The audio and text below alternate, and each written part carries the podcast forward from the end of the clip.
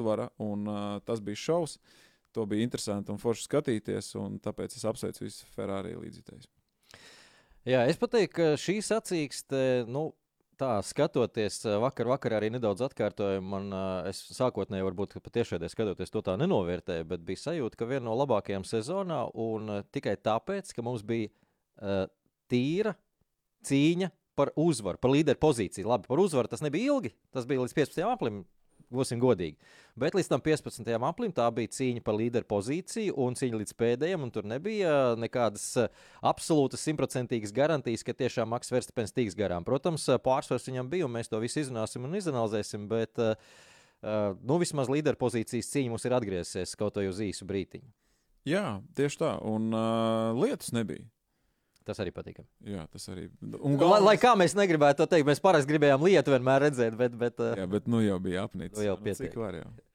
Jā, mēs iesim cauri pa komandām, pa uh, situāciju, kas notika Moncā, Itālijā. Specifiska trase uzreiz jāsaka, kā es bieži arī saku, tad vienā skalas galā mums kalendārā ir Monako, otrā skalas galā mums ir Monca. Uh, Tas nozīmē, ko tas nozīmē no komandu viedokļa. Ne visas komandas īpaši cenšas, teiksim tā, kaut ko sagatavot Monsai, jo tik ekstremāls posms ir tikai viens. Uh, Tieši tāpat kā ne vis, visas komandas cenšas kaut ko īpaši speciāli gatavot priekš Monako. Ja tu skaties uz formulu kopumā, uz sezonu kopumā, tad skaidrs, ka tev labāk jāstrādā uz tām 18 trasēm, kas ir diezgan līdzīgas, varbūt savā konfigurācijā, un tad tu būsi nedaudz lēnāks. Monako varbūt nedaudz lēnāks Monsā, kas ir tādas nu, diezgan ekstremālās klases, trases, ekstremālās trases, bet tajā pašā laikā, nu, tajās pārējās 18 tu būsi zirgā. Šoreiz jāsaka, Ferrari jau kopš sezonas sākuma zināja, ka viņi ir ātri eh, tāda tipa trasēs, kā, kur ir liels maksimālais ātrums un kur ir ļoti lēni pagriezieni, viņiem ir laba mehāniskā saķere. Un no sezonas sākuma, tajā brīdī, kad viņi saprata, ka, nu, laikam, šogad mēs zaudēsim Red Bull vienos vārtos līdz sezonas beigām, viņi uzlika sev mērķi sagatavot visu iespējamo, lai Monsā viņi izskatītos solīdi. Bēdīgi. Ja tu šitā pasaki, kaut kā bēdīgi izklausās. Ir izklausās bēdīgi. Visam Ferrari baigi jāsaņemās visu sezonu priekš viens gongs, lai tas viņi būtu trešie. Ja? Traki. Jā, bet, nu, ok, lai kā tas nebūtu, viņi to izdarīja. Viņi to izdarīja. Nu, arī, nu, viss un cepurnos. Uh, starp citu, uh, viņiem uh, bija ieplānots pat jau pāris posmu atpakaļ arī viss sinhronizācija ar dzinējiem. Tātad viņi saņēma ap divu pilotu jaunus dzinējus uz Montes posmu, un tas arī tika speciāli ieplānots, lai šeit savās mājās paspīdētu. Nerunājot nemaz par to, ka Ferrari kā vienīgā komanda sagatavoja īpašu antispānu uz māju posmu. Vispārējās komandas izmantoja vai nu pašu tātad mazākā piespēdē spēka antispānu, kas ir viņu arsenālā, vai kā McLaren gadījumā pat pat, pat tas netika izdarīts. Viņi vienkārši pielāgoja to, kas viņiem ir. Tātad, uh, nu, mēs redzējām, kā arī Maklārina izskatījās. Nebija, nebija absolūtajā līmenī, kur vajadzēja būt. Bet uh, Ferrari, nu, kā tu teici, diezgan bēdīgi. Ja viņi ar visu to, tomēr, jebkurā gadījumā zaudē visai pārliecinoši Edbuļs, mēs no tā varam secināt, ka pat ja viss ideāli ir trase, ja ideāli ir apstākļi priekš Ferrari, ja viņi gatavojas tajā pussezonu šai sacīkstei, un tik un tā vairāk par trešo, un būsim godīgi, trešā vieta bija objektīva viņiem. Viņi vairāk arī nevar izspiest, tur nebija veiksme, neveiksme. Tur. Tā bija objektīva pozīcija. Absolūti objektīva. Es teiktu, ka, bet arī tādā ziņā objektīvi arī uz otru pusi paskatoties. Nu, nebija nekas arī, kas viņiem varēja sastādīt konkurenci vairāk no, apakš, no, no pārējām komandām. Viņi bija nu, pārliecinoši tur, kur viņi bija. Jā, nu tā, teiksim, Nebi, viņi bija tikpat tālu no Red Bull, kā pārējie bija no Ferrari. Nu, tā, nu, nu, tā jāsaka, laikam ir. Jā, un turklāt iepriekšējā posmā Ferrari bija nekurienē, un ļoti iespējams, ka arī nākamajā posmā viņiem, viņi būs nekurienē. Nevajag tagad vilkt kaut kādas paralēlas, ka Ferrari ir pamodušies ar šo posmu, kā jau, kā jau mēs te vairāk kārt minējām. Viņi ir strādājuši uz šo posmu, un viss ir sakrits ļoti, ļoti labvēlīgi. Labvēlīgi ir tas, ka, kā jau teicu, trases konfigurācija, jo mēs to varējām novērot Kanādas posmā. Uh, viņi bija diezgan spēcīgi. Tur Kanādā problēma bija ar to, ka kvalifikācijā viņi nesalika visu pa plauktiem, kā bija jāsaliek, jo tad sacīksts būtu krietni nopietnāk, interesantāk. Un tur tajā trijā kopā ar Alonso un Verstapenu būtu arī kāds no Ferrari pilotiem. Uh, Bet šeit jā, tā mehāniskā saķere bija tā, uz ko varēja Ferrari paļauties. Un šeit ir tāda interesanta lieta patiesībā par tas skaidrojums, kāpēc Ferrari bija tik ātri. Tas patiesībā vislabāk parādījās telemetrijā pēc sestdienas, kad mēs varējām arī labi analizēt šos divus apļus, Verstapena apli un Sainz apli. Uh, 13,000 daļas, pareizi es atceros. Jā, ļoti tuvu kaut kas, jā, tieši tā. 13,000 starp abiem bija. Un kur bija tas pārsvars Sainsam un kur bija tas pārsvars Verstapenam? Tad ļoti izteikti uh, Sainza pārsvars un Ferrari pārsvars bija pilnīgi visās taisnēs. Uh, un lēnajos S-veida bremzētājos arī. Lēnais esveids bremzētais ir pirmais līkums, tāda Deloroģija, kas ir otrais līkums, tad Rita Filio pirmais, Deloroģija otrais līkums pirms Lesmo, un tad sākas savukārt tie nu, nosacīti ātrie vai vidēji ātruma līkumi Monsā, kas ir Lesmo 1, Lesmo 2, 90 grādu pagriezieni, ātrais esveida Askārī un pats pēdējais parabolika, es joprojām viņu sauc par parabolika. Es nezinu, to, es to nezinu, kā viņam tur tagad tas otrs. Mikēlē Alboreto līkums. Ah, ok. okay. Nu, okay. Jā, bet uh, tajos jau savukārt parādās Red Bull, Red Bull pārsvars, jo viņi bija saglabājuši to piespiedu spēku līmeni. Un, uh, kur bija tas interesantais? Es nezinu, cik ļoti iedziļinājies uh, sestdienas kvalifikācijā, bet man bija ārkārtīgi interesanti skatīties, kā paralēli divas ļoti atšķirīgi uh, sagatavotas formulas izmanto savas stiprās puses savās attiecīgi trases vietās, savās uh, trases joslās vai, vai, vai, vai nogriežņos, un uz finiša līnijas sabrauc faktiski vienādi. Uh, nu tā ir tā, tas jau ir tas skaistums formulā.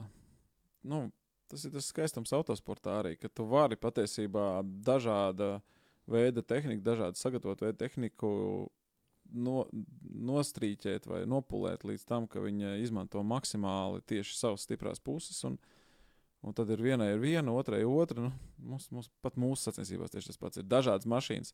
Pilnīgi dažādas mašīnas, dažādas kubatūras, dažādi piloti un tā tālāk, bet tie, kas ir izdarījuši labi savu darbiņu, uh, Tāpat sabrauc tur vienu, dažas desmitdaļas sekundes tur, tur laikā. Jā. Nu, kā, tas ir tas skaistums tajā autosportā. Tas ir, man tieši patīk, ka tas ir dažādi. Ka tas nav tā, ka visi iet pēc viena principa, un tagad, nu, kuram sanāca labāk, tas ir arī vinnējis. Nu, tas ir forši. Tas tā ir tā foršā tā intriga. Uh, jā, tīri vizuāli uh, varēja redzēt šoreiz, jo ļoti bieži arī esmu dzirdējis no komentāros no skatītājiem, kas skatīties, saka, ka īsti jau tā aerodinamika, pat kas ir tīri teorētiski redzamā puse. Uh, nu, nav saprotama, nav izprotama un pat necenšas cilvēks saprast, un visas formulas izstāsta vienādi. Ja viss būtu nokrāsot vienādi, nevarētu atšķirt. Bet es domāju, ka attiecībā par Ferrari antispārnu Monza, un ja mēs pieliekam blakus Red Bull, un viņi varēja bieži redzēt kopā vienā kadrā, arī sacīks laikā, nu, varēja redzēt, cik tāda šaura strīpiņa ir Ferrari. Nu, faktiski ģitāras stīga tur ir tikai uzlikt aizmugurē. Tur vēl arī tas es novēroju, ka parasti, kad nu, normāli piespiedēja spēka trasēs, e, parasti, tad, kad brauc formula, nu, arī katrs no priekšā nāk, tad tu uz tā antispārna kaut ko redzi. Šajās daļās redzi, tu uzraksti. Un te viņi brauc, un tu vienkārši neko neredzi. Nu, tā reklāma nestrādā šajā posmā, tikai ja no augšas bija filmēts. Starp citu, runājot par filmēšanu. Mm, nu, jāsaka, jāpaslavē, ir, jāpaslavē tomēr ir filmēšanas e, kvalitāte un kameru uh, lēņķi un vispārējais, ko varēja jau ļoti labi novērot. To es nepateicu iepriekšējā podkāstā Zandvortā. Jo patiesībā Zandvortas trase līdz šim man likās tāda, nu, nu tāda, nu, nu jā, ok, nu tur ir kā tur līkuma, kas kaut kā, bet šogad viņi bija nofilmēti no tādiem leņķiem, no tādiem rakurs, rakursiem, ka tu redzi to, cik slīpi ir tie pagriezieni, tu redzi, kā tā formula tur mēģina noķert to slīdi vai to maksimālo saķers robežu un visu. Un īstenībā tas tik garšīgi izskatās. Un, un nu, maleč, maleč, tā, tomēr Formula 1, lai kas tie būtu, kas tur to, to visu filmē. Maleč, ka viņi ir pamainījuši, ka, jā, ka, viņi, ka viņi meklē šos risinājumus, lai, lai tas kadrs tomēr ekrānā izskatītos garšīgāk un, un ir. Viņiem izdodas, un tas ir forši.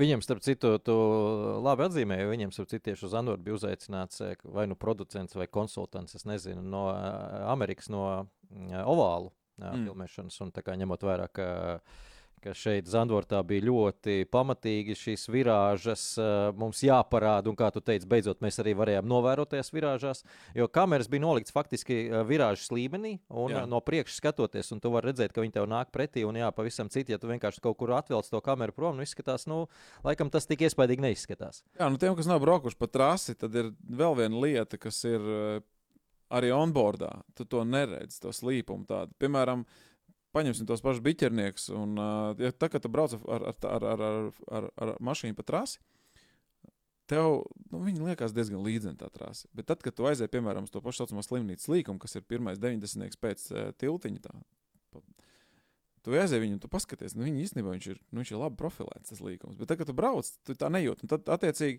tad, kad tu filmē arī no mašīnas, tu, tu nejūti to slīpumu tādu. Tas, tas nav. Tas tāpat kā, nezinu, fotografijas kalnos. Ja? Nu, tu, nu, tur tos slīpumus tā kā vajag. Bet viņi bija izdomājuši tomēr to, to, to veidu, kā to nofilmēt. Un tas ir forši. Nu, skaidrs, ka Monsā nebija tāda, tā, to, to profilēto tādu līkumu un tādu. Viņi bija jāfilmē savādāk, un viņi to arī savādāk darīja. Bet, jebkurā gadījumā tas kadrs ir palicis daudz, daudz garšīgāk, kā viņš bijis vēl gadus atpakaļ, un tas ir forši. Jā, atgriežoties pie Ferrari un, attiecīgi, arī Red Bull kontekstā, mums jāņem skaidrs, ka Ferrari zināja, ar ko viņi cīnās. Līdz ar to viņi izējot, kā tu teici par basketbolu, mums aizkadrā bija basketbola sarunas. Falšstartā, pareizāk sakot, tie, kas skatās mums tiešai Best for Sport TV, var pastīties YouTube. Tieši šeit tur Jānis Sīk un Smalki izanalizē basketbola lietas. Tad šeit bija tā pati situācija, ka Ferrari jau nedzīvo izolētā pasaulē no visiem pārējiem. Un skaidrs, ka viņi zina, pret ko viņi cīnās un kas ir pretinieku stiprās puses un kas viņiem ir jāmēģina izmantot.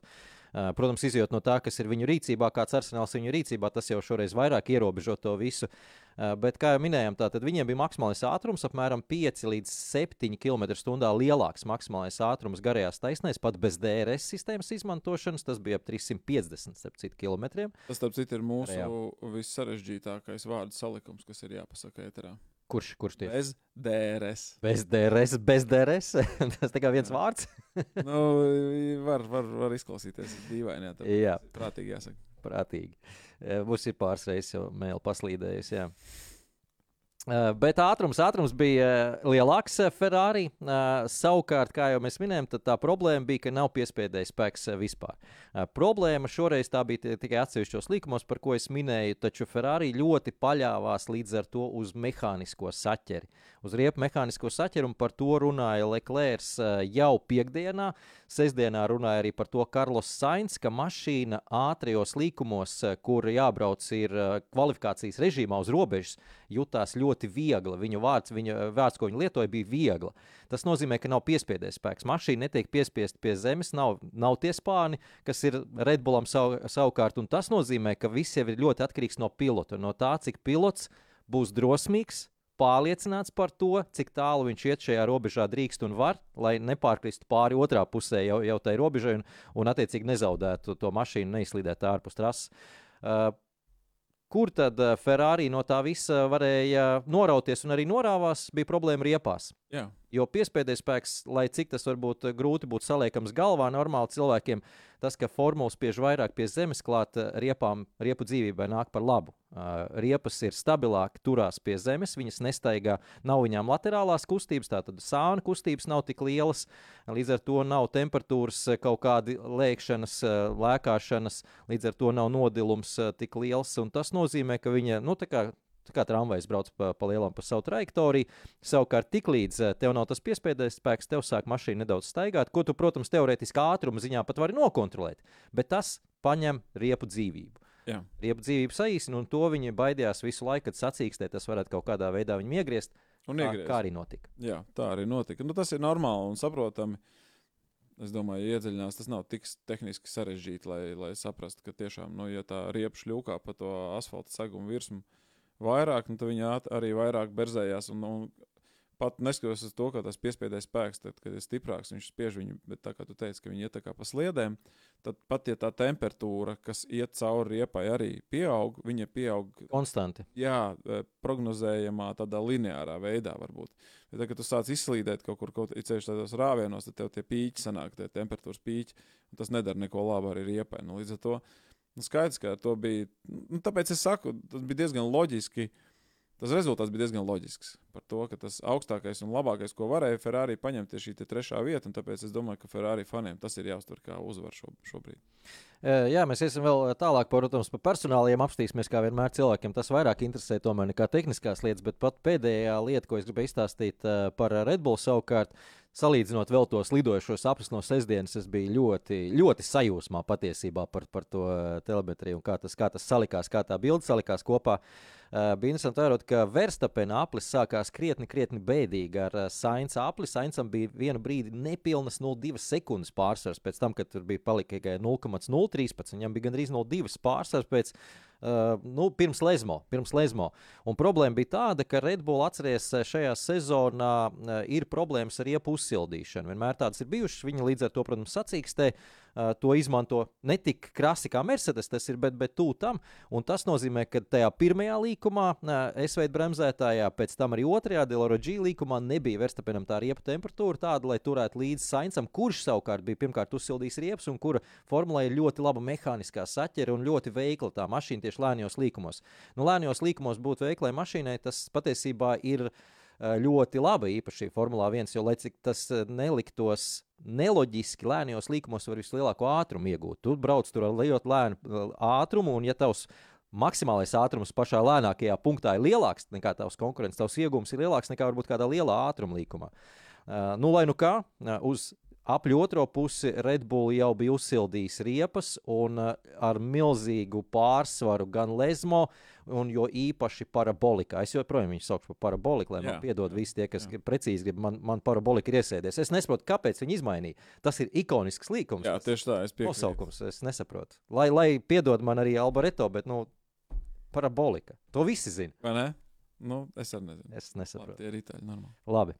E, jā, tā kā tas bija ļoti interesanti. Un vēl viena lieta, pati, pati pēdējā, varbūt nav pat pēdējā, bet vēl viena lieta, ka līdz finiša līnijai Verstapena ātrums turpināja augt turpināja kāpt. Uh, Sainz ātrums lidojuši aplī bija jau tajā brīdī apstājies. Un tas nozīmē, ka tīri teorētiski, jo tas bija pateicoties parabolikas uh, lielam ātrumam, izējā no parabolikas, kur viņam bija lielāks piespiedes spēks, jo Sainz to ātrumu iegūst jau otrajā trases galā, kur viņš var apzīšanu veikt un tā tālāk. Tā joprojām.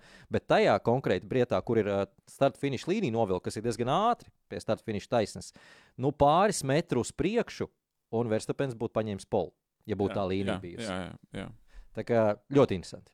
Jā, ļoti interesanti. Un, uh, nu, te ir tā interesantā lieta, kas um, man liekas, ka, man liekas, ka forši, ka šī starta finiša līnija ir tuvu, um, tuvu izējai no pēdējā līkuma. Uh, no vienas puses, tas varbūt uh, mūs atņem to iespējamo dragreisu līdz, līdz finiša karogam. Jā. Bet man liekas, ka tas ir, tas, tas ir interesantāk. Un, uh, Nu, jo tad, attiecīgi, tas, kurš pēdējais to līkumu, tā kā to pēdējo līkumu ir forši paņēmis. Un tur, nu, un, uh, jā, un tas, attiecīgi, arī atņem, nu, šajā gadījumā atņēma Redbullam iespēju būt, uh, būt popozicionā, kas īstenībā viņam, man liekas, ir pilnīgi vienalga. Jā, nu Redbull šogad uh, ir nedaudz vājāki kvalifikācijā, kas, kas nu, viņam ir ar kaut ko jārēķinās, un viņi vienmēr likuši uzsvaru sacīks trešā reizes sezonā, ka viņi zaudēja pole position, respektīvi neizcīna pole position, lai Klērs to uh, noņēma Baku. Hamiltons Ungārijā un tagad, tagad Sainz, kas arī ir trīs dažādi, trīs dažādi jā, konkurenti Verstapenam. Uh, Sainz noņēma attiecīgi šeit Verstapenam uh, par, par Ferrari un uh, Leclerc. Tad jau jāparunā noteikti Leclerc, kā pats atzina, ar mehāniskiem regulējumiem piekdienā aizgāja neceļos, to viņš atzina, un norija krupi, un sestdienas rītā viņam jau bija uzlikti Sainza nokopēti visi regulējumi, un kā viņš pats teica, visu cieņu Karlsam taisnība mašīna jūtās uzreiz dzīva. Un pilnīgi noteikti, ja būtu viņš sācis ar piekdienu būvēt to savu uh, nedēļas nogali ar tādu regulējumu, tad, kā viņš pats teica, tad viņš būtu sains līmenī un vēl pacīnītos arī par popozīciju un vispār. Bet tā kā viņš to sāka dienu vēlāk, divas stundas uh, treniņu faktiski viņam nebija. Uh, līdz ar to viņš bija to solīt nedaudz zemāk. Jo Ka, ka, kas ir tas interesantais par pilotiem? Šeit es ļoti gribētu tavu, tavu komentāru dzirdēt, jo, jo man liekas, ka tā psiholoģija viņiem kaut kur iet līdzi. Ka, Uh, pat ne psiholoģija, bet tādas īpašības vai īpatnības abiem pilotiem Ferrari, ka Sainz uh, ir ārkārtīgi stabils šogad. Atcerieties, viņš nav bijis uz godu piedestālā līdz šim, bet viņam ir vairāk punktu nekā Leclerc. Un, un formulas sniegums katrā nedēļas nogalē šitā staigā. Uh, Te mums trase ir laba, mēs esam šitien, te trase ir sūdīga, mēs esam šitien. Sainz ir visu laiku, nu tā, 5. 6. vieta, viņam šogad cik ir 27, 8. fūs, 5. vietas. Apmēram, nu tā. Savukārt Leclerc ir, te viņš ir uz godu piedestāla, te viņš ir desmitnieku beigās, te viņš vispār neaizbrauc līdz galam, jo avarē. Nu, līdz ar to viņam tāds sajūta, ka potenciāli griezti ir augstāk, un viņš var uzšaut un uztaisīt mums visiem pārsteigumu. Bet Sainz droši atvedīs savu 5, 6, 4 vietu un būs vienmēr tur, kur viņam ir jābūt. Nu, manuprāt, tas ir ideāls sastāvs pilotiem. Viņš komandas. Man liekas, ka ir ideāls sastāvs pilotiem, jo Sainz, viņš jau visu savu karjeru, man liekas, ir tāds bijis. Viņš ir tiešām ļoti tā metodiski pieiet pie lietām, viņš ir ļoti tehniski saprot visas tās lietas, kas ir vajadzīgs. Arī attiecīgi šis ir pierādījums par regulējumu, izvēlu un vispārējo. Un uh, viņš vienmēr ir bijis drusciņš zem radara. Viņš ir vienmēr bijis pietiekami ātrs, bet vienmēr druskuļi zem radara. Un man liekas, ka tieši tāpēc, ka viņam nav šo spilgto izlaicienu tādu, kā tas ir Leclercam, jo tad, tad arī mēs viņus pamanām. Tos pilotus, kā Leclerc, kurš var vienkārši paņemt un izšaut kaut kādu position kaut kur. Ja? Un, tāpēc tas bija man tāds patīkams pārsteigums šajā weekendā no Science puses, jo uh, Uh, jā, nu, es godīgi sakot, nebiju iedziļinājies šo regulējumu jautājumā. Tas ir forši, ka tu to pasaki. Tas tagad atbild uz ļoti daudziem jautājumiem par to, kāpēc Sainz šajā weekendā bija ātrāks. Bet, jebkurā gadījumā, Sainz jau no pirmā treniņa vienkārši, nu, jā, vienkārši izskatījās, um, izskatījās gatavs. Jā. Izskatījās gatavs, izskatījās notēmējis uz to visu balīti un, un, un, un bija baigi labi. Jā, tā kā, tā kā, jā, tā kā. Eh, jā, katrā ziņā abu savstarpējo eh, pilotu cīņa beigās rezultējās arī pamatīgā duelī sacīkstē. Par to mēs vēl parunāsim pa sacīksti, jo par Sainza varoņdarbiem es domāju, ka nevar eh, nerunāt šajā nedēļas nogalē. Iedomājies, kādas viņam, kāds viņam šobrīd ir uh, pirmkārt, grūdienis psiholoģiskais, un otrkārt, arī cik ļoti augstu viņam akcijas celšās eh, laikā, kad viņam jāsēž pie sarunu galda un kad viņš sēdies pie sarunu galda par eh, nākamo līgumu. Un, eh, protams, mēs varam runāt par Audi un tā tālāk, bet no Sainz pozīcijām viņš to pats arī pateica, ko gan viņš šeit arī teiks, bet viņš arī pats, es domāju, atzīst, ka nu, īstermiņā un vidējā termiņā nu, nav varianti. Uh, Ferrari ir labākā formula, labākā komanda, kas var nodrošināt cīņu par piedestāliem, par uzvarām. Nu, tikpat labi varbūt arī par titulu. Kamēr Tur Audi ir pieejamas vietas. Tieši tā, un arī Audi šobrīd nu, ir ļoti tālu no tā. Un vēl nevar zināt, kas tur viss sanāks. Audi šobrīd ir Zauber, Audi ir Alfa Romeo, nu, mēs redzam, kur ir Alfa Romeo. Protams, tur ir nākotne, tur ir nauda, tur ir ražotājs, tur ir uh, Andrēs Zīles, uh, tur viss it kā ir, bet uh, nekur jau nav zvanīts, ka tur viss sanāks. Un turklāt vēl viena lieta, manuprāt, uh, Eh, pēc trim, četriem gadiem, pēc, iespējams, pēc nākamā Ferrari līguma, eh, neba Sainz eh, akcijas tik ļoti kritīsies, ka Audi viņi negribēs ņemt. Ja jau Audi būs uzauguši un joprojām Sainz būs līmenī, viņi jau paņems arī tad viņu. Jā, nu, un gala beigās tas ir Ferrari. Un mēs esam ļoti daudz dzirdējuši no pilotiem to, ka nu, gandrīz neviens pilots nekad neizslēdz iespēju, ka viņš kādreiz gribētu pabraukt Ferrari komandā. Uh, Formulā 1. Tā, tā, tā ir ikoniska komanda un tā ir tā leģendām pilna un vēl joprojām visbagātākā komanda no čempionu titulu daudzuma un tā tālāk. Tāpēc, tāpēc nu, tas ir Ferrari. Un, ja tev ir iespēja braukt Ferrari, tu, tu parasti tur tā kā baigi pa malām neskaties. Nu, tu, kā, tu vienkārši dari to. Un, es nezinu, man kaut kā liekas, ka Sainz un Leclerc lai arī neviens no viņiem nav itālis, viņi izskatās pietiekami itāliski paši, ja tā var teikt. Un, uh, un ir, uh, viņi tur iedarās. Un, uh, un tā, tā, man liekas, ka tās, tas, tas pilots sastāvs ir kā reiz tas, kas ir vajadzīgs Ferrari šobrīd, jo ir viens tehnisks, metodisks, ļoti stabils pilots un vēl viens, kurš var vienkārši nu, uztaisīt tādu apli, kādu visi pēc tam pasakā, wow, kā tas vispār bija iespējams. Un es domāju, ka tas ir ļoti, ļoti labs, spēcīgs sastāvs pilotiem, un Ferrari tur nekas nav jādomā vairāk. Es domāju, ka Ferrari jātiek galā tikai pašiem saviem iekšējiem procesiem, ar visu to, kā viņi aizvada sacīkšu weekendu, kā viņi regulē mašīnu, kā viņi gatavo mašīnu un tā tālāk. Un, lai viņi strādā pie savām kļūdām, bet tie piloti, es domāju, ka viņiem ir jāpatur tie paši. Piekrīt. Par Ferrari tad jau parunāsim vairāk, jo nu, gal galā, kad, ja ne Monza un ja ne pēc trešās vietas izcīnītas, šeit jautājums tāds, bija jautājums arī tāds no, no viena no sekotājiem Twitterī par to, vai Ferrari bija iespējas kaut kādā veidā, varbūt šoreiz ar stratēģiju uzvarēt šo sacīkstu. Varbūt kaut kur tomēr viņi palaid garām to iespēju. Un šeit ir pāris lietas patiesībā, ko varēja Ferrari darīt citādi. Jo atcerieties, ka abiem pilotiem bija faktiski identiska stratēģija, lai gan abi bija tieši blakus, un tā visa rezultātā abi nonāca arī beigās vienādās pozīcijās un arī cīnījās par vienu to pašu vietu. Jo pastāvēja iespēja, un to izskatīja arī Ferrari komanda, un to vēlāk arī Frederiks Vesurs stāstīja, mēģināt ar Leclerca palīdzību pirmajā nogriezienī izraustīt Verstapenu ar domu, ka uztaisīt tā saucamo undercut, jeb iebraukt ātrāk boxos un likt arī Verstapenam tur braukt. Bet, lai uztaisītu undercut, nu, loģiskos apstākļos, nu tā, lai tev tas būtu arī izdevīgi, ir vajadzīgs nobraukt kaut kādu skaitu apļu, lai tas pirmais nogrieziens ir veikts. Jo šī bija tā trase, kur viens boxu apmeklējums ir pārliecinoši ātrāks. Par diviem tur bija atšķirība 18 sekundēs stratēģijas starp diviem boxu apmeklējumiem un vienu. Līdz ar to tu nekādīgi nevarēji to darīt 12. aprīlī, nu pat 15. aprīlī, tad, kad apzina, tas bija par agru. Tātad vajadzēja to 20, 23, 24 kaut kur ap to. Tajā brīdī, ja būtu respektīvi noturējies Karlos Sainz līdz tam 22, 23 aprīlim līderpozīcijā priekšā Verstapenam, tas pavērtu iespējas Leclercam iebraukt boxos. Uh, tajā brīdī būtu viņi arī nedaudz vairāk atraušies no sekotājiem, Klēram būtu brīvāk trasē aizmugurē, jo tajā brīdī, kad viņi to izskatīja 15. aprīlī, Klērs nokļūtu Valtteri Botas un Okona apskāvienos. Nu, nav, nav pat labākā kompānija, kur nokļūt. Uh, līdz ar to Tās tā problēma bija 7, vēl 5, 6, 7 apli noturēties Sainsam līderpozīcijā, un tad pavērtos nu, iespēja, teiksim tā.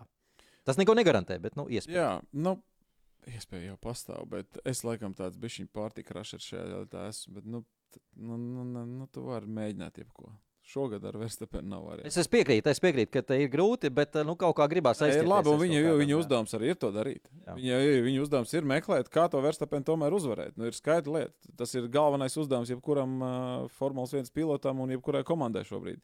Kā lai mēs nobraucam viņam pa priekšu? Nu, pagaidām izskatās, ka nav.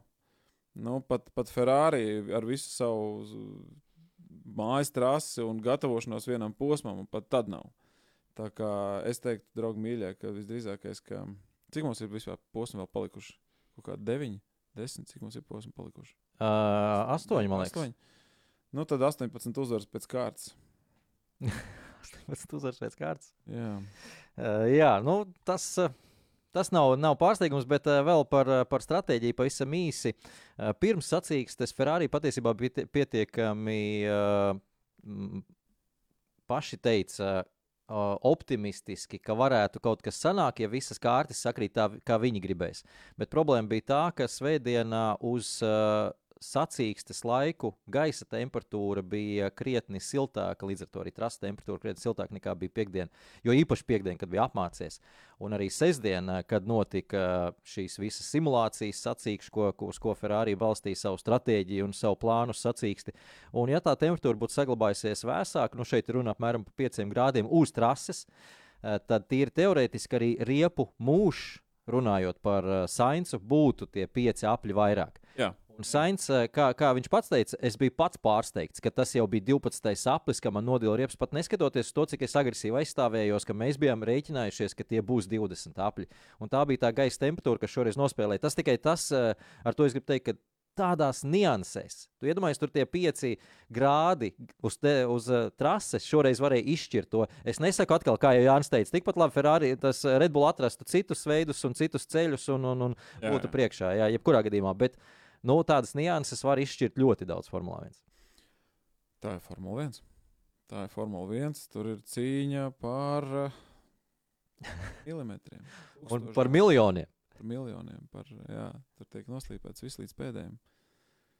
Pat, uh, pat, pat formulas un komandas, kuras brauc pa pašām beigām, īstenībā iegūda nenormālo apjomu ar darbu, laiku, zināšanām un naudu.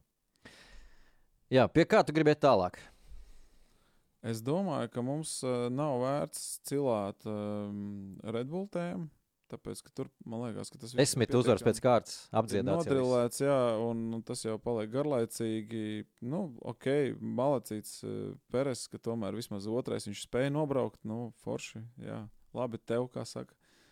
Uh, aplaus no manis nesagaidīt, bet. Uh, jo, jo? Nu, tāpēc, ka Tas, viņš, nu, viņš absolūti tīzli izskatās pret Verstapenu. Nu, neko tur nevar darīt. Nu, kā ja tā ir? Nu, jā, viņš nav slikts pilots, bet viņš pilnīgi tīzli izskatās pret Verstapenu. Līdz ar to nu, uh, es teiktu tā, ka nu, viņam teorētiski, zinot to, kāds ir pārsvars šeit formulē, visās iespējamās trasēs, visos iespējamos laikapstākļos, viņam visu laiku bija jābūt otrajam. Nu, viņam visu laiku bija jābūt otrajam, tā kā to darīja Valtteri Botas savu laiku, tā kā Hamiltons tur dominēja čempionātu. Viņam visu laiku ir jābūt otrajam, bet viņš nav pat Q2 vai Q3.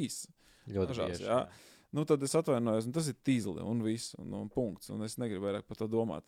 Bet tas, ka, tas ko, nu, teiksim, nu, jā, ja tu gribi vēl par Red Bull, tad saka tagad. Jā, jā uh, tu varēsi ieteikt nākamo komandu, par ko mēs runāsim, bet uh, pabeidzot šo lietu par komandas biedriem, jau pacēlās ļoti interesanta diskusija. To pacēla pats Hamiltons, kurš teica, ka viņa komandas biedri visi, viņš teica, visi šeit ir tas vārds ir ļoti svarīgs. Visi viņa komandas biedri ir bijuši spēcīgāki uh, nekā ir. Uh, Verstapēna komandas biedri bijuši. Un tas tieši tajā kontekstā, ko tu teici par Sergio Peresu. Un, un es eh, daļai tam piekrītu pilnīgi noteikti par Peresu situāciju, jo galu galā šī bija tā trase, kur tev ir ātra formula, varbūt nav ātrākā kvalifikācija. Es tagad par kvalifikāciju runāju uh, Peresam. Uh, kura pilots, kā mēs redzējām uz Maksa Verstapēna piemēra, var izvilkt ne ar ātrāko formulu vienā aplī, gandrīz pirmo starta pozīciju. Nesanāca līdz galam, bet turpat bija. Savukārt, uh, uzliekam to pašu formulu uh, uz Peresa piemēra, un viņu apsteidza Rasels ar lēnāku formulu, bet arī uz pilota rēķina. Tātad tīri uz pilotēšanas rēķina. Te nemaz nav runa par Ferrari. Un šī nav sarežģītākā. Trāda. Jā, nē, nu nav runa par sarežģītāku. Tieši tā. Tā, kā, tā. tā ir tā liela atšķirība, to jau mēs esam daudz teikuši, bet vēl atgriežoties par tiem komandas biedriem, es internetā redzēju ļoti skaistu salīdzinājumu, jo kādam bija tas jāsarēķina un kāds to ir sarēķinājis. Es to tūlīt arī uzlikšu jums televīzijas ekrānos, dārgie draugi. Uh, respektīvi, sarēķināts ir, to es neesmu darījis. Cilvēki ir sarēķinājuši visu Verstapena un Hamiltona komandas biedru panākumus nolikt ailītē viens pret otru. Tātad viņi panāk, viņa uzvaras, viņa tituli, viņa pole position, vispārējais. Sarēķinam, un kas eh, gal galā sanāk? Sanāk kaut kas šāds. Neviens čempionu tituls nav Verstapēna komandas biedriem. 16 uzvaras pret 82, piedestāla 86 pret 293, pirmā starta pozīcijas 9 pret 82. Atcerieties, ka tur ir Batons un tur ir Alonso bijuši komandas biedri. Hamiltonam. Protams, tas nav objektīvs arī absolūti kā veids, kā to Nu, pasniegt. Vajag arī bet- objektīvi pavērtēt, pavērtēt, ka Batons, man liekas, to, to, to čempionātu arī finišēja augstāk nekā Hamiltons. Bet ok, labi. Tas, bet tas ir vēlreiz pierādījums, ka uh, Hamiltonam ir ļoti augsta līmeņa komandas. Ah, jā, jā, tas jau ir par to tikai, šaubu tikai, tikai pierādījums. Uh, nu, un, protams, vispārējā statistika. Visos, visos rādītājos viennozīmīgi ir pārsvars Hamiltonam. Hamiltonam gan ir garāk arī karjeras bijusi. Tur jau sarēķina visu kopā. Tas, tas uh, nav viena, vei- viena daudzuma gadi paņemt. Piemēram, nezinu, četri labākie gadi. Tas ir visas paņemt sezon- visu gadu, nu, jā. bet Bet uh, skaita ziņā jau nav tik liela atšķirība patiesībā. Tātad Hamiltonam ir bijis, bijis Alonso, Kovalainens, eh, Batons, Rosbergs, Botas, Rasels. Savukārt Verstapenam Sainz, uh, Rikārdo, Gazlī, Albons, Peres. Jā, bet tas ir bijis. Uh, Viņ, uh, Hamiltonam tie komandas biedri bijuši vairākas sezonas pēc kārtas.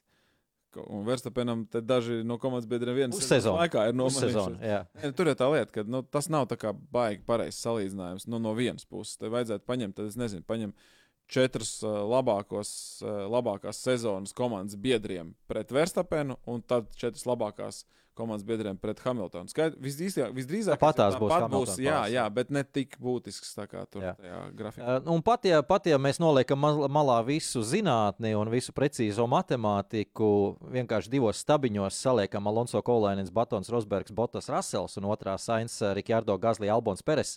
Nu, pat pēc čuja ir. Nu, Protams. nu, ir pēc Nē, čuja. nu, tur taču ir čempionu tituli. Nu. Jā, tā kā- Batons ir čempions, Hamilton, Alonso čempions, nu, Rosbergs čempions. Nu.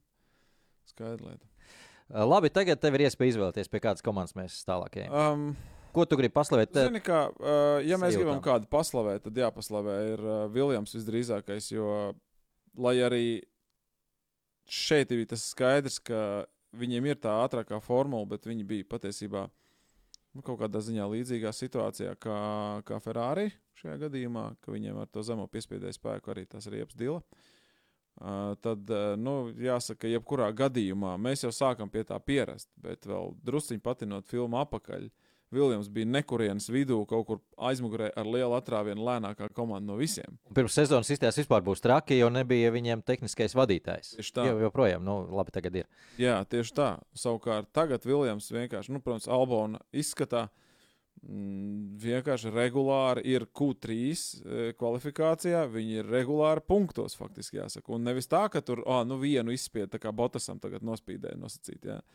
Bet viņš ir tur 6, 5, 7 vai kurš tur ir. Ja? Nu, respektīvi, lielajos nosacītu punktos, kas ir. Septītais. Ja mēs, nu, ja vienalga, jebkurā gadījumā tas nav 9 vai 10. Ja? Nu, un tādā ziņā, ka, un zinot, ka Red Bulls, nu, Red Bull, Ferrari, Mercedes, nu, jau McLaren un Aston Martins, ka tās ir piecas komandas, kas nozīmē, ka ir desmit piloti, kad jau viss jau, nu, pa lielam tur ir sadalīti visi desmit nu, ņemamie punkti. Un albums tur ir kaut kur pa vidu tajā visā, visu laiku ar Viljams. Nu, tad jāsaka, ka cepuri nostumē ar Viljamsam. Viņi kaut ko dara ļoti pareizi. Protams, arī pats pilots dara lielisku darbu. Nu, jāsaka tā, ka Sainz parādīja, ka viņš arī māca aizstāvēties diezgan forši un, un smuki. Bet es domāju, ka Albonam varbūt būtu izdevies ar to Ferrari formulu tos vēl 3, 4, 5, varbūt aplīšus ilgāk noturēties priekšā. Jo Albons, man liekas, vispār ir Tagad viņu varētu pārsaukt par aizsardzības ministru. Jā. Tā, kā, tā, kā, jā, tā kā es gribētu izcelt eh, šajā posmā, izcelt tomēr Viljams, neskatoties to, ka man bija doma, ka viņi varbūt pat vēl labāk noperformēs. Bet, nu, zinot apstākļus un situācijas, ir skaidrs, kāpēc bija tā un nav, nav, nav savādāk. Es domāju, ka viņi tāpat paņēma maksimumu, ko viņi varēja. Un tas maksimums ir ļoti pieklājīgs. Uh, jā, par Albonu, protams, vienmēr liela prieka. Albons pēc sacīkstes, liela prieka par šādiem rezultātiem. Domāju, pēc sacīkstes vēl sabēra pudu sāls arī Noris rētās, jo teica, ka es negribētu būt viņa vietā un es jūtu viņam līdzi, jo es viņam izbojāju visu sacīksti. Un Albons eh, nolika, noparkoja savu formulu priekšā, izējā no parabolikas, jo parabolika bija tas līkums, kur uzskatām, redzēt, McLaren vienkārši piebrauc klāt, iebakstījās Albona aizmugurē, un tad, izbraucot starta finiša taisnē, Viljams, eh, būsim godīgi, ļoti rudimentārā un vienkāršā aerodinamika nozīmē to, ka viņi slīd, kā es teicu, kā zutis. Tur pa to taisni aizslīd, un tur nav, nav varianti tur tik klāt viņam, un tā katru aplitu skaties tajā Viljams aizmugurē antispārnā un atkal un atkal Un, un, un tas nozīmē, ka tev ir jākāp ārā no kaut kur no drošās trajektorijas, lai mēģinātu viņu apdzīt, ko arī mēģināja abi darīt. Uh, īsti tas līdz galam tā arī nesanāca nevienam, ne otram. Jā, nu, un viss, viss cieņa Albonam, bet kas tajā visā ir bēdīgs, es teiksim, tā uz tā Viljams, Viljams snieguma, uh, lieliskā snieguma fona, ir tas, ka tas vēl vairāk parāda, ka Logans Sāržants nav acīm redzot uh, Formule 1 līmeņa braucējs. Diemžēl lēnām, lēnām mēs līdz tam nokļūstam, tas sāk izkristalizēties. Mēs sezonas eh, sākumā likām viņam mieru. Mēs sezonas vidū uzklupām eh, visi Nikam Devrīsam un varēja mierīgi strādāt. Logans Sāržants, nu šis ir tas laiks, kad Sāržantam būtu jārāda savs sniegums, un viņš bija ļoti tuvu punktiem. Eh, šeit viņš bija desmitajā pozīcijā patiesībā, un pašās beigās viņš pats teica, ka viņš pārlieku agresīvi ir mēģinājis aizstāvēties pret Botas, kuram ir pieredze milzīga. Botas uh, apbrauca viņu pārmalu un uh, paņēma tos pēdējos punktus. Un, uh, ļoti sašuts bija pēc sacīks Logans Sāržants, un man liekas, tas ir saprotami, jo viņš arī jūt, ka tas, tas lēnām sāk pilināt uz to, ka viņš nebūs vairs nākamgad Formula 1. Nu, es pabrīnīšos, ja būs, ja godīgi. Ir ko izvēlēties. Tomēr, ko tu liktu viņa vietā, tā, tā interese pēc? Jā, tas pats Losons ir ļoti labu darbu padarījis. Nu, skaidrs, ka tur viņš ir tajā kā, Red Bull sistēmā vai kā, bet nu, es domāju, ka viņš izdarīs labāku darbu. Viennozīmīgi. Es, es dzirdēju uh, baumas. Es domāju, ka tas, tas Devrī arī varētu izdarīt labāk darbu. Bet, nu, tas tā. Jā ka Liam Lawsonu varētu Red Bull iestumt Viljamsā, tieši to, ko tu teici tagad, uh, un attiecīgi tad uh, likt mierā Alfa Tauri pa, to sastāvu, kas bija mums uz diviem posmiem, Rikārdo un Cunoda, tātad atstāt uz nākamo gadu. Tur un attiecīgi Lawsonu, kurš tagad ļoti labi sev parādījis, pilnīgi noteikti ir divus posmus pēc kārtas. Es pat teiktu, tas, tas vidējais līmenis viņam bija augstāks nekā Rikārdo divos posmos, tā vidēji paskatoties. Un Lawsonu iestumt Viljamsā, tāds baumas ir dzirdējis. Bet Es godīgi sakot, neredzu tam loģiku no Viljams puses. Es nesaprotu, kāpēc viņi ņemtu Lawsonu. Es nesaprotu, tā ir Red Bull, tas ir Red Bull produkts. Kāpēc mums ir jāiet, jāpalīdz uh, Red Bull? Mēs, mums viņu noņems. Ja viņš būs labs, mums viņu noņems. Ja viņš būs slikts, mums arī viņš nebūs vajadzīgs. Tad kur būs iegūms? Nu, tāds apšaubāms iegūms var būt uz gadu, uz diviem. Turklāt vēl Džeims uh, Valls taču ir uh, nu, labā roka.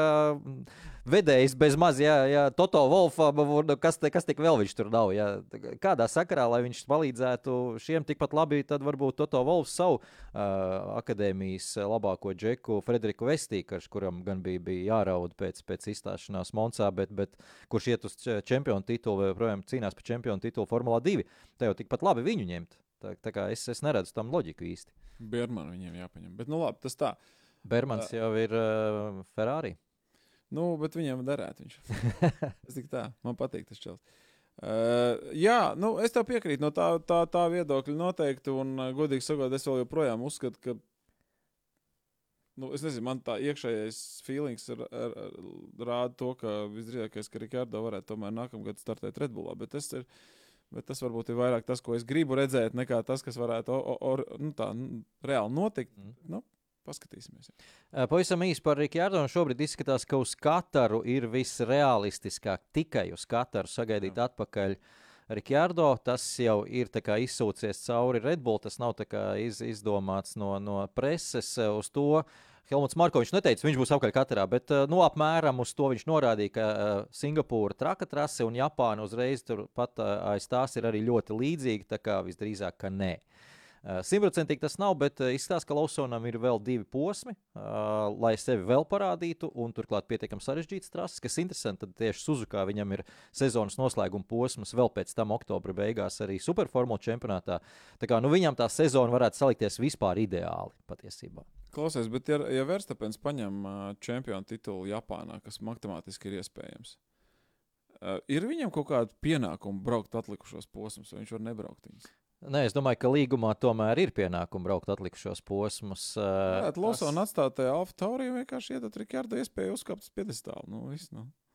Uh, šajā sakarā es atceros, uh, Latvijā tāds ļoti populārs uh, sporta veids, kā orientēšanās ir.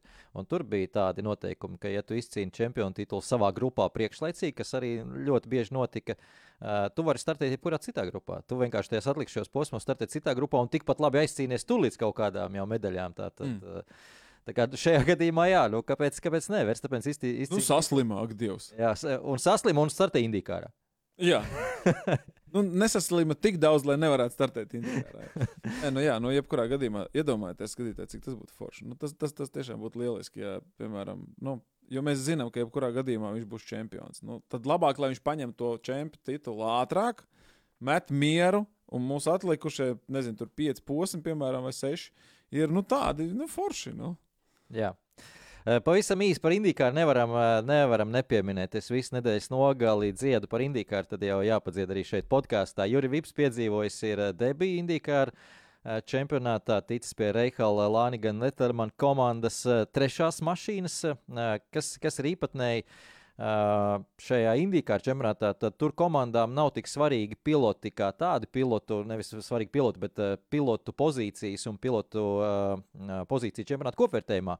Viņiem ir atsevišķs vērtējums, tā saucamais entry Mm. Šajā gadījumā mašīna, nu, protams, tur časīka pati par sevi fiziski var nomainīties, bet tā ir mašīna numurs. Respektīvi, šajā gadījumā numurs, numurs paliek nemainīgs. Jo Vipam nav iespēja izvēlēties numuru. 30. numurs, viņam ir tā mašīna, tā saucamais entry, ko pirms tam brauc cits pilots. Viņš tagad saņem šo entry. Un tajā tās mašīnas punkti turpina skaitīties sezonas kontekstā kopā. Ah, okay. Un pirmie 22 Endrija, tātad pirmās 22 pozīcijas, saņem ļoti dāsnu kompensāciju no tā saucamā Leader Circle, kur uh, sezonas beigās uh, miljonu saņem katra, katra, katra komanda par šo katru Endriju, kas ir top 22. Un kas interesanti, pirms šī posma numur 30 bija 23. vietā vienu pozīciju aiz tā, kur saņem. Un Bobijs Reikals, kas ir komandas vadītājs, viņš tā arī pateica, ka jā, Juri Vipam tur gatavošanās vispārējais, bet tas nenozīmē, ka mums nav nozīmīgi šie divi posmi. Mums ir ļoti svarīgi šie divi posmi. Viņam ir uzdevums būt priekšā tai, tai, eh, tai entrijai, ar ko mēs cīnāmies. Tur ir tāds mikromačs, kas paliek tālu fonā, kur neviens cits neredz, bet komandas ļoti stingri tam seko, jo viņi cīnās par pēdējo vietu, kas vēl dabūs to naudu. Jā, ok. Un eh, šajā posmā Juri Vips finišēja kvalifikācijā 18. vietā kas ir vairāk kā solīdi. Es teiktu, tas nav nekas satriecošs, bet tas ir vairāk kā solīdi. No 27, nē, Portlandas, Portlandas trase. Salīdzinoši īsa uh, trase, bet, nu, kā jau indikā, viņas trases ne tuvu nav tik gludas un tik līdzenas, kā mums nu, tur jācīnās briesmīgi ar to, to mašīnu. Uh, un sacīkstē arī finišēja 18. vietā, kas, kā jau teicu, ir ļoti solīds rezultāts, un viņš pārliecinoši atveda vairāk punktus nekā tiešais konkurents, kas viņam bija jāpārspēj. Pirmais uzdevums ir izpildīts. Okay. Šobrīd ir pacēlies tātad līdz ar to uz 22. vietu un pienākas uh, uh, Reikala komandai šī kompensācija, bet nu, vēl pēdējais posms ir priekšā Laguna Seka trasē. Lai nu kur Laguna Seka, man vispār Laguna Seka no MotoGP ir palikusi. Jā, tā ir fantastiski. Vai vēl no, uh, vēl no savulaik arī Čemkāra sacīkstēm, no fantastisks sacīks tur aiz, aizrietējušas. Ir tā kā noteikti skatāties, tas jau šīs nedēļas izskaņā viss ir. Un no tā izrietēs arī tas, vai paņems tad Reihālu uz nākamo gadu Juri Vipu jau uz pilnu sezonu. Šobrīd tie Formula 2 piloti indikāri ir ļoti modē. Tur tā, tā sērga ir aizgājusi, daudzi ir pārnākuši, saprotot, ka nav Formula 1. Tur ir Markus Armstrongs, tur ir Lungārds, eh, un tur ir vesela rinda. Un viņi visi ir ienākuši, un neviens nav izgāzies. Neviens nav izgāzies. Nav tā, ka visi uzreiz tur, tur rauj tur kaut ko no debesmānā, ja? bet, bet visi ir ļoti augstā līmenī. Tas nozīmē, ka tas pamats, ka, ko ieliek Eiropas uh, sērijas, ir ļoti, ļoti augsts līmenis. Un šeit, jāsaka, godīgi, Amerika nestāv līdz ar savām formulu, uh, mazajām formulām. Tur, tur ir maz zemāka konkurence, tur ir mazāk cilvēku, tur ir mazāk agresivitāte. Vispār tajos čempionātos tur nav izdzīvošanas principi, kā tas ir Eiropā. Līdz ar to tie, kas izfiltrējās līdz Formule 2 līmenim, ir ļoti augsta līmeņa piloti visi. Un viņiem ir pēc tam durvis atvērtas tagad ne tikai Indijkārā, bet visās salonāto sērijās, eh, kur arī Vips teica, es varēju iet tur, man bija daudz piedāvājumu iet, bet es negribēju vēl pamest Formule sērijas. Mm. Ļoti labi. Es pat nezinu, ko te vēl piebilst. Jā, e, tikai to, ka tu apsoli, ka tu skatīsies uh, Indiju kā svētdienu. nu, tā, nu, tā. Uh, labi, vēl, vēl mums ir desmit minūtes. Kādu komandu tu gribētu vēl izcelt? Uh, ne tikai pozitīvā, varbūt arī negatīvā ziņā no nu, Monces. Tad, ja negatīvā, tad es varu izcelt Hāzu, kuru vispār brauc ar kaut kādiem, es nezinu, ko iepirkumu ratiņiem pa trasi. Un, um, labā no, ziņa ir tāda, ka. Labā ziņa ir tāda, ka viņu, tas, ko es varu par viņiem pateikt, ir tas, ka viņi ir apstiprinājuši pilotu sastāvu arī uz nākamo gadu tādu pašu. Uh, Tas arī ir. Starp citu, ja runājam par kontraktiem un pilotu līgumiem, tad arī Mercedes sastāvs paliek nemainīgs līdz 25. gadam. Tad, tad eh, nu, tiem, kas nesako līdzi, varbūt, lai viņi zinātu. Uh, kas ir ok, jo gan Mercedesam, gan Hāzam, gan, kā jau es iepriekš minēju, par Ferrari, man nav jautājumu par pilotu sastāvu. Patiesībā arī McLarenam pilotu sastāvs ir lielisks. Ja? Tā kā, nu, ja, ja mēs ejam cauri visiem tādiem komandu pilotu sastāviem, tad jautājums ir tikai par sāržantu Jautājums ir par to, kur būs Rikārdo. Nu, Žū arī šobrīd uz jautājumu zīmes ir. Nu, godīgi sakot, Žū tik slikti neizskatās. Jā? Uh, nu, ir ok. Ir ok. Viņš, nu, viņš tā kā baigi nekrīt ārā. Viņš var, var nobraukt uh, gan kvalifikācijā. Viņam nav bijis progress, gan... man liekas, īsti. Viņam viņš tā kā sāka labi, un mēs visi sapriecājamies, bet viņš neiet uz augšu vairs. Tur nav tas arī jautājums. Viņam ir kā tagad progress šo sezonu un tā tālāk, bet arī viņš ir jautājums zīme. Jā? Līdz ar to nu, tie ir tie varbūt piloti, kur varbūt kaut kas varētu mainīties. Bet tur Alpēna sastāvs ir. Man liekas, ka normāls un lielisks. Ne, tur viss kārtībā. Pagaidām, tur, kā, tur pilotēs nav problēma. Pilotēs jā, jā tieši problēma. tā. Tā kā, tā kā es teiktu, es nezinu, kāpēc mums šodien kaut kā ar tām austiņām neiet. Uh, nav vērti. Galva piepampus pēc weekenda skatīšanās visiem sportiem un tā tālāk. Yeah. Uh, katrā ziņā um, Jā, tad, tad tie piloti sastāvs pieļauj, ka tur baigi nu, tas, tas nosacītais, kā, kā angļu saka, silly season, ka, kas, kas pagāja garām arī mums šajā pārtraukumā, kas bija formulē, bija ļoti mierīgs. Un ir iemesls, kāpēc. Es domāju, ka tur baigi lielās izmaiņas nebūs. Te ir runa tiešām tikai par mazajām komandām. Par mazajām komandām, par sāržantu, par, par, par, par jā, Rikārdo vietu un tādām lietām, bet tas arī ir viss. Līdz ar to kaut ko baigi izcelt. Es nevaru, nu, es apsveicu, protams, Valterī, ka viņš tomēr ir paņēmis to vismaz vienu punktu, jo, nu, tā Alfa Romeo kaut kā nu, baigi, baigi bāli izskatījās pēdējās posmos visos. Te nu vismaz, vismaz viens punkts ir atnācis. Tagad viņi tur tā kā ir to. Uztīsimies, kāds kopvērtējums ir. Uh, nu, Viljams, pateicoties Albonam. Uh, sniegumam. Tur ir droši atrāviens. Es domāju, ka tur tā arī nekas nemainīsies. Viljams tā arī paliks 4. no beigām. Nu, Hāzs ar Alfa Romeo, jā, nu, tur savā starpā tur pa, pa, padalīs to priekšpēdējo pēdējo. Un, un, un, nu, jā, nu, tos, kas tur sanāk. 8, 9 vietā. Jā, tieši tā. Nu, tur gal galā tie ir uh, vairāk kā 10 miljoni. Tā, tā viena pozīcija nav jau tā, ka nav par ko cīnīties. Jā, jā ne, nu, par to es stāstu. Nu, te, te gan atkal ir jāskatās, te, te tās spēlītes, kas spēlējās, jo mēs labi zinām, ka tie nav tikai 10 miljoni vai kaut kādas naudas lietas, bet tā ir arī, tas ir arī laiks aerodinamiskajā tunelī un, un, un, un kaut kādas pārējās lietas un, un naudas uh, ierobežojumi vispār. Jā. Jā, tā kā, tā kā, jā, lai cīnās, lai ņemās, uh, es gan, jā, jo Es absolūti saprotu, Hāz, kāpēc viņi nav mainījuši pilotus. Beidzot, viņiem ir tāds sastāvs, par kuru, kuru jāsaka, ka pat Magnusens izskatās bāli. Lai arī Magnusens iepriekšējos gados pilnīgi nu, vienkārši lupat leveros sasīt jebkuru, kas bija viņam blakām. Tā kā Hulkenbergam Jā. No manis, jā, tā kā tā. Nu, un vairāk man arī nav ko izcelt. Pārējās komandas, nu, jā, nu, tā, kā ir, tā ir. Uh, jā, par kāsas uh, īstenībā nerunāšu. Tas pirms Zandvorts jau viņu apstiprināja, tā kā tur um, izrunājām. Bet uh, par Alpīnu pavisam īsi. Alpīna citās frontēs cīnās. Viņi mēģina panākt, lai viņiem ļauj zinēji uzlabot, kā viņi paši saka, ka viņiem esot apmēram 25 zirgspēku deficīts. Un, ja tas tiešām tā ir, tas ir ļoti daudz. Jā. Un ir pamats tur par kaut ko runāt, uh, bet par šo jau uh, es arī komentēju, teicu, ka tas uh, varētu būt pats sliktākais scenārijs, kas vispār Formulā 1 ir iedomājams, un to ļoti šogr šobrīd grib. Uh, novērst gan Totovs, gan uh, Helmuts Marko, gan Kristians Horners. Viņi vienā frontē ir, kas jau, jau nozīmē, ka tur kaut kas nav ritīgi. Proti, ka tiek piešķirts tā saucamais BOP, jeb Balance of Performance uh, Alpīna komandas uh, dzinēju ražotājiem, kad dot viņiem attiecīgi vai nu lielāku uh, degvielas uh, plūsmu atļaut vai, vai uh, gaisa padevi kaut kādā veidā regulēt vairāk. Ka, ka tas, tas ir pats pēdējais, ko varētu darīt. Pilnīgi noteikti. Nu, patiesībā nē, nu, tas, tas nav pat jādara. Tas ir pilnīgi skaidrs, ka tev, tas nav, nav tas jā. jādara. Vai ļaut viņiem uzlabot motoru kaut kādā veidā, par to tiek eh, laustas šķēpi. To, tur arī ne visi ir sajūsmā par to, jo nepiekrīt, ka tik liels tas eh, zaudējums vispār ir. Tagad Mons gan parādīja, ka Alpīna ir diezgan lielā P ar to visu. Nu, nav viņiem tās jaudas vispār, un, eh, bet nu, ne jau tikai tar, tur ir tikai vaina. Bija skaidrs, ka arī aerodinamika pretī tur neko ne, neliek. Tā kā lai viņi mokās ar savām lietām, bet tu pieminēji Hamiltonu un, uh, un uh, Rasela jauno līgumu. Un, uh, šis, šī, man liekas, ir interesanta dinamika. Tomēr mūsu pēdējās minūtēs varbūt varam nedaudz par šo parunāt. Jo, uh, jo kā teica Hamiltons, uh, ka viņš parakstīja tagad jauno līgumu, viņam ir neizdarīts darbiņš uh, Formulā 1. Mēs visi zinām, par ko, ko ir runa. Viņš grib to astoto čempionu titulu izcīnīt. Viņš grib būt vienīgais astoņkārtējais čempions viennozīmīgi. Uh, bet kas notiks, ja Mercedes neiedos viņam tos, tos nākamajos divos gados to formulu, ar ko cīnīties par to čempionu titulu? Iedomājieties, cik ļoti salauzts viņš aizies. Pēc, pēc diviem gadiem nomocījies, viņš jau tagad ir stresains, un, un, un Boningtonam ar viņu jāmokās. Un kā bija kaut kur mēmē, ka Boningtonam vēl divi gadi būs ar viņu jāmokās. un, un līdz ar to skaidrs, viņam ir viens mērķis. Un turklāt, nu, būsim godīgi, nu, šeit anatomija prasa savu. Viņš nav Alonso. Uh, Es domāju, ka viņš nav Alonso. Viņam iet bišķiņu uz leju tas viss. Un uh, Raselam iet uz augšu, tas joprojām viņš nav sasniedzis to savu.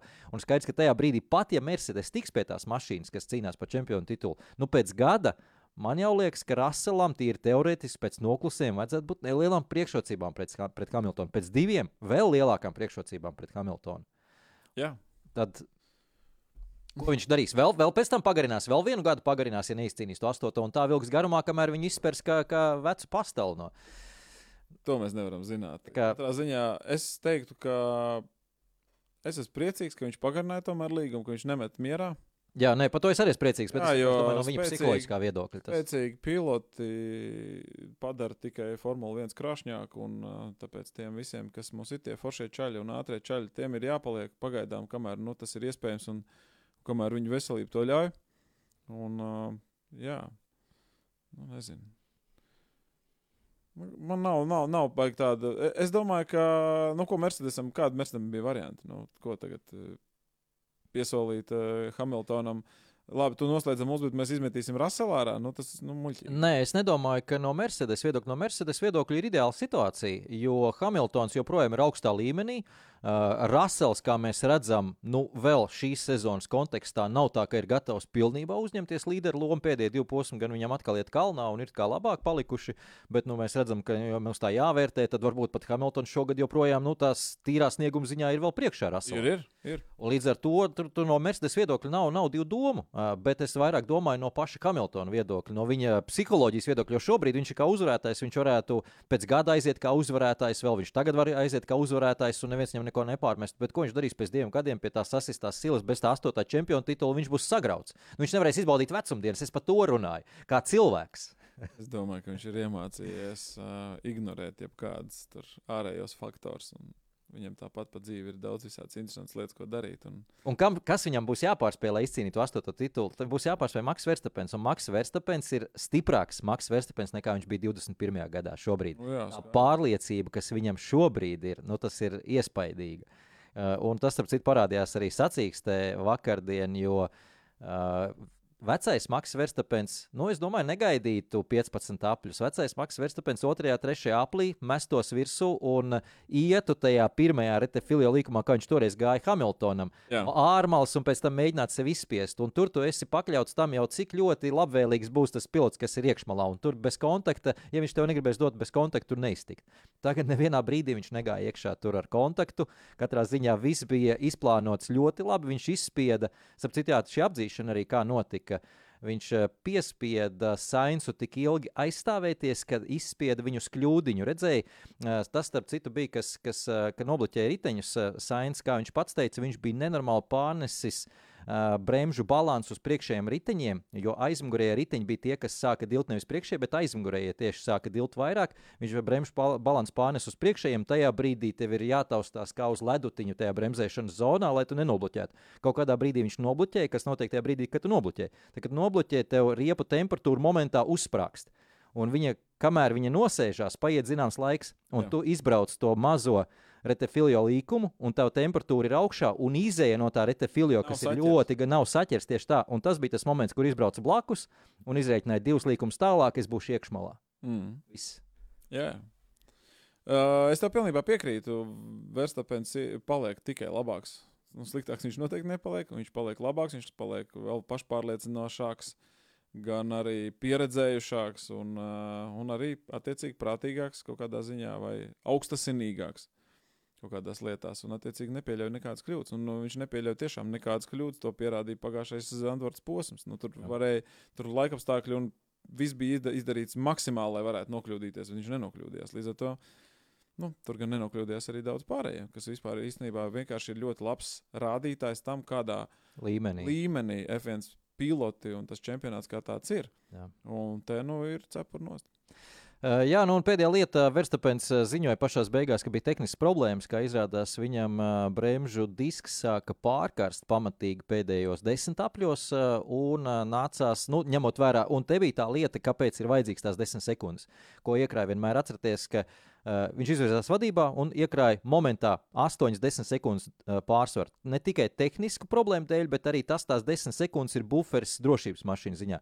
Ir lai vairāk laika padomāt, ir vairāk laika reaģēt uz to visu, un tu neesi pakļauts tādam riskam. Ja tu esi tur 1-2 sekundes priekšā, tu esi pakļauts riskam, ka kaut kas cits var notikt. Jā. Un šeit arī notika, bet varēja mierīgi nomest 3 sekundes aplī braukt lēnāk līdz finišam, un ar to bremžu disku arī tik līdz finišam. Starp citu, Luisam Hamiltonam bija tieši tas pats, un vienā brīdī pat gatavojās izstāties Mercedes komanda, bet Luis Hamiltons, un tas vēl bija ar pirmo riepu komplektu. Sāka menedžēt to bremzēšanu tik veiksmīgi, ka viņš dabūja temperatūru atpakaļ. Mm. Dabūja temperatūru atpakaļ, un uh, no tā brīža, teiksim, es teiktu, ka visu cieņu ieguvējis. Nu, protams, ja nebūtu šis kontakts ar Piastrī, kas bija, nu, tur viņš pilnīgi vainīgs, tur viņš atvainojās arī pats uzreiz. Uh, tad eh, nu, viens no, viens no sacīksts būtu varoņiem, manuprāt, zinot šo visu kopā. Nu, izbojāja tas konteksts nedaudz, bet kopumā malets. Jā, nu, tāds viņš ir. Labi, uz šīs pozitīvās nots mēs, man liekas, arī varam likt punktu šim podkāstam. Pūkstens 12. esam pabeiguši veiksmīgu stundu analizēt, kas notika Monsā. Tagad divas nedēļas ir brīvs, Jāni. Ko tu darīsi? Es zinu, ko tu darīsi. Meklēsi sev jaunu mašīnu garāžā. Aha, nē, nē, nē, man ir ko darīt šajās brīvdienās, bet es neteikšu, ko. Labi, lai Jānis dara savas lietas, atpūšties. Div, pēc divām nedēļām būsim atpakaļ ja pēc Singapūras un skatīsimies, kas būs noticis ielu trasē.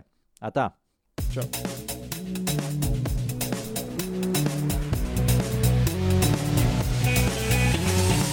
F1 LV podkāsts.